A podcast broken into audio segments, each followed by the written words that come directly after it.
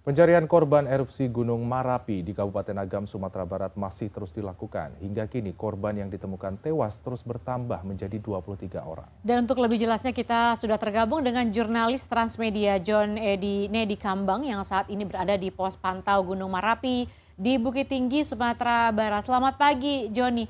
Bagaimana jalannya proses evakuasi korban hari ini? Apakah ada kendala yang dihadapi oleh petugas dan tim penyelamat dalam proses evakuasi?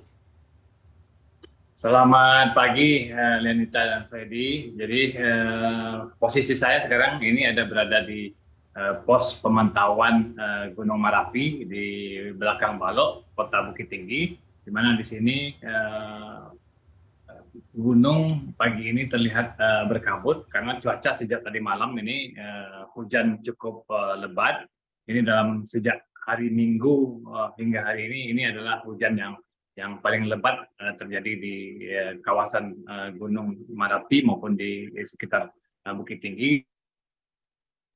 Ini bisa membantu menghilangkan abu vulkanik yang sejak beberapa hari terakhir uh, berhembus uh, cukup tebal sampai ke daerah ini. Padahal ini daerah ini jauh, uh, lumayan jauh dari uh, daerah kawah uh, gunung begitu.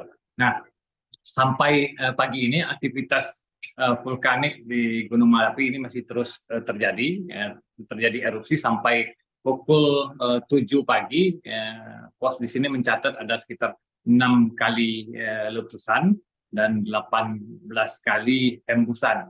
Nah, jadi secara uh, total uh, sejak hari Minggu sampai hari ini sampai pagi ini itu sudah terjadi sekitar uh, 58 kali uh, letusan uh, di mana erupsinya terus terjadi, tapi intensitasnya memang uh, sedikit menurun dibanding hari-hari pertama. Hari pertama itu terjadi sekitar 36 kali, dari hari kedua di hari Senin uh, 10 kali letusan, hari ketiga di hari Selasa kemarin hanya tercatat 6 kali letusan dan pagi ini uh, 6 letusan juga.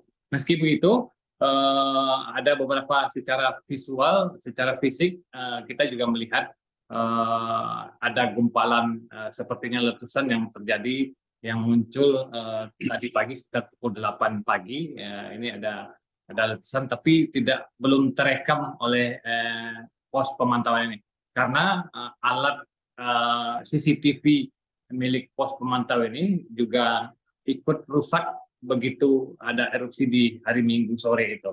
Jadi uh, secara fisik Eh, secara visual dari puncak kawah kondisi di puncak kawah ini tidak terlihat uh, secara jelas secara sementara uh, secara fisik gunung dari pos ini juga tidak terlihat kondisi gunung juga terli tidak terlihat karena uh, apa uh, cuaca yang uh, berkabut saat ini.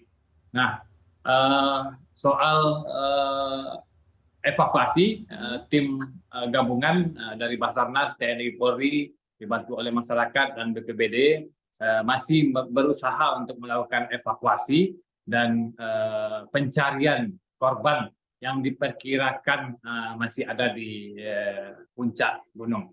Karena sampai tadi malam itu jumlah korban yang baru masuk ke Rumah Sakit Ahmad Mukhtar Bukit Tinggi. Jadi Rumah Sakit Ahmad Mukhtar ini adalah pusat penanganan korban baik yang selamat maupun yang meninggal dunia uh, untuk ditangani terlebih dahulu. Jadi ini adalah pusat rumah sakit ini menjadi pusat uh, penanganan korban. Uh, baru menerima 21 jenazah.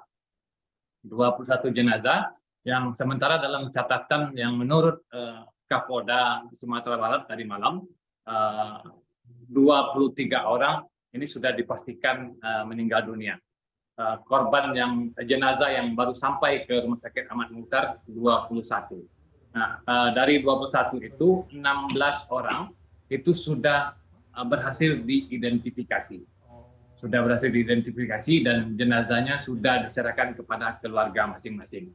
Tadi malam proses identifikasi uh, dihentikan karena uh, petugas uh, menurut Kabit Dokes uh, Polda Sumatera Barat, uh, Lisda Cancer, Eh, dia mengatakan bahwa petugas tentu butuh istirahat juga agar uh, lebih fit untuk melakukan tugasnya. Nah, pagi ini sekitar pukul 9, saya belum memantau pukul 9 ini akan dimulai lagi, akan dilanjutkan kembali uh, identifikasi terhadap lima jenazah lagi yang masih belum. Sementara ini eh, keluarga menunggu sejak kemarin sudah memenuhi rumah sakit Ahmad Mukhtar untuk mengetahui apakah keluarga mereka ada di dalam kantong-kantong uh, jenazah yang belum teridentifikasi itu.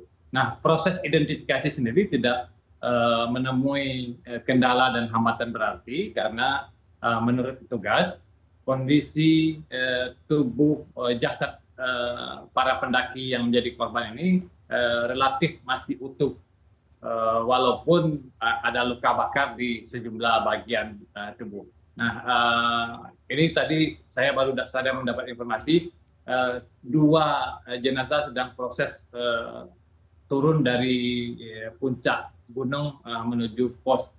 Mudah-mudahan uh, cuaca membaik karena kesulitan utama adalah uh, cuaca yang berubah, apalagi ini hujan yang uh, mungkin uh, tentu saja ini akan menyulitkan uh, para tim penyelamat dalam melakukan pekerjaannya. Lenita. Ya tentunya itu yang kita harapkan John dan juga Lianita hmm. proses evakuasi bisa berjalan maksimal dan juga lancar semuanya hmm. di dimaksimalkan oleh petugas penyelamat. Terima kasih untuk laporannya jurnalis Transmedia John Nedi Kambang dari Sumatera Barat. Selamat kembali bertugas.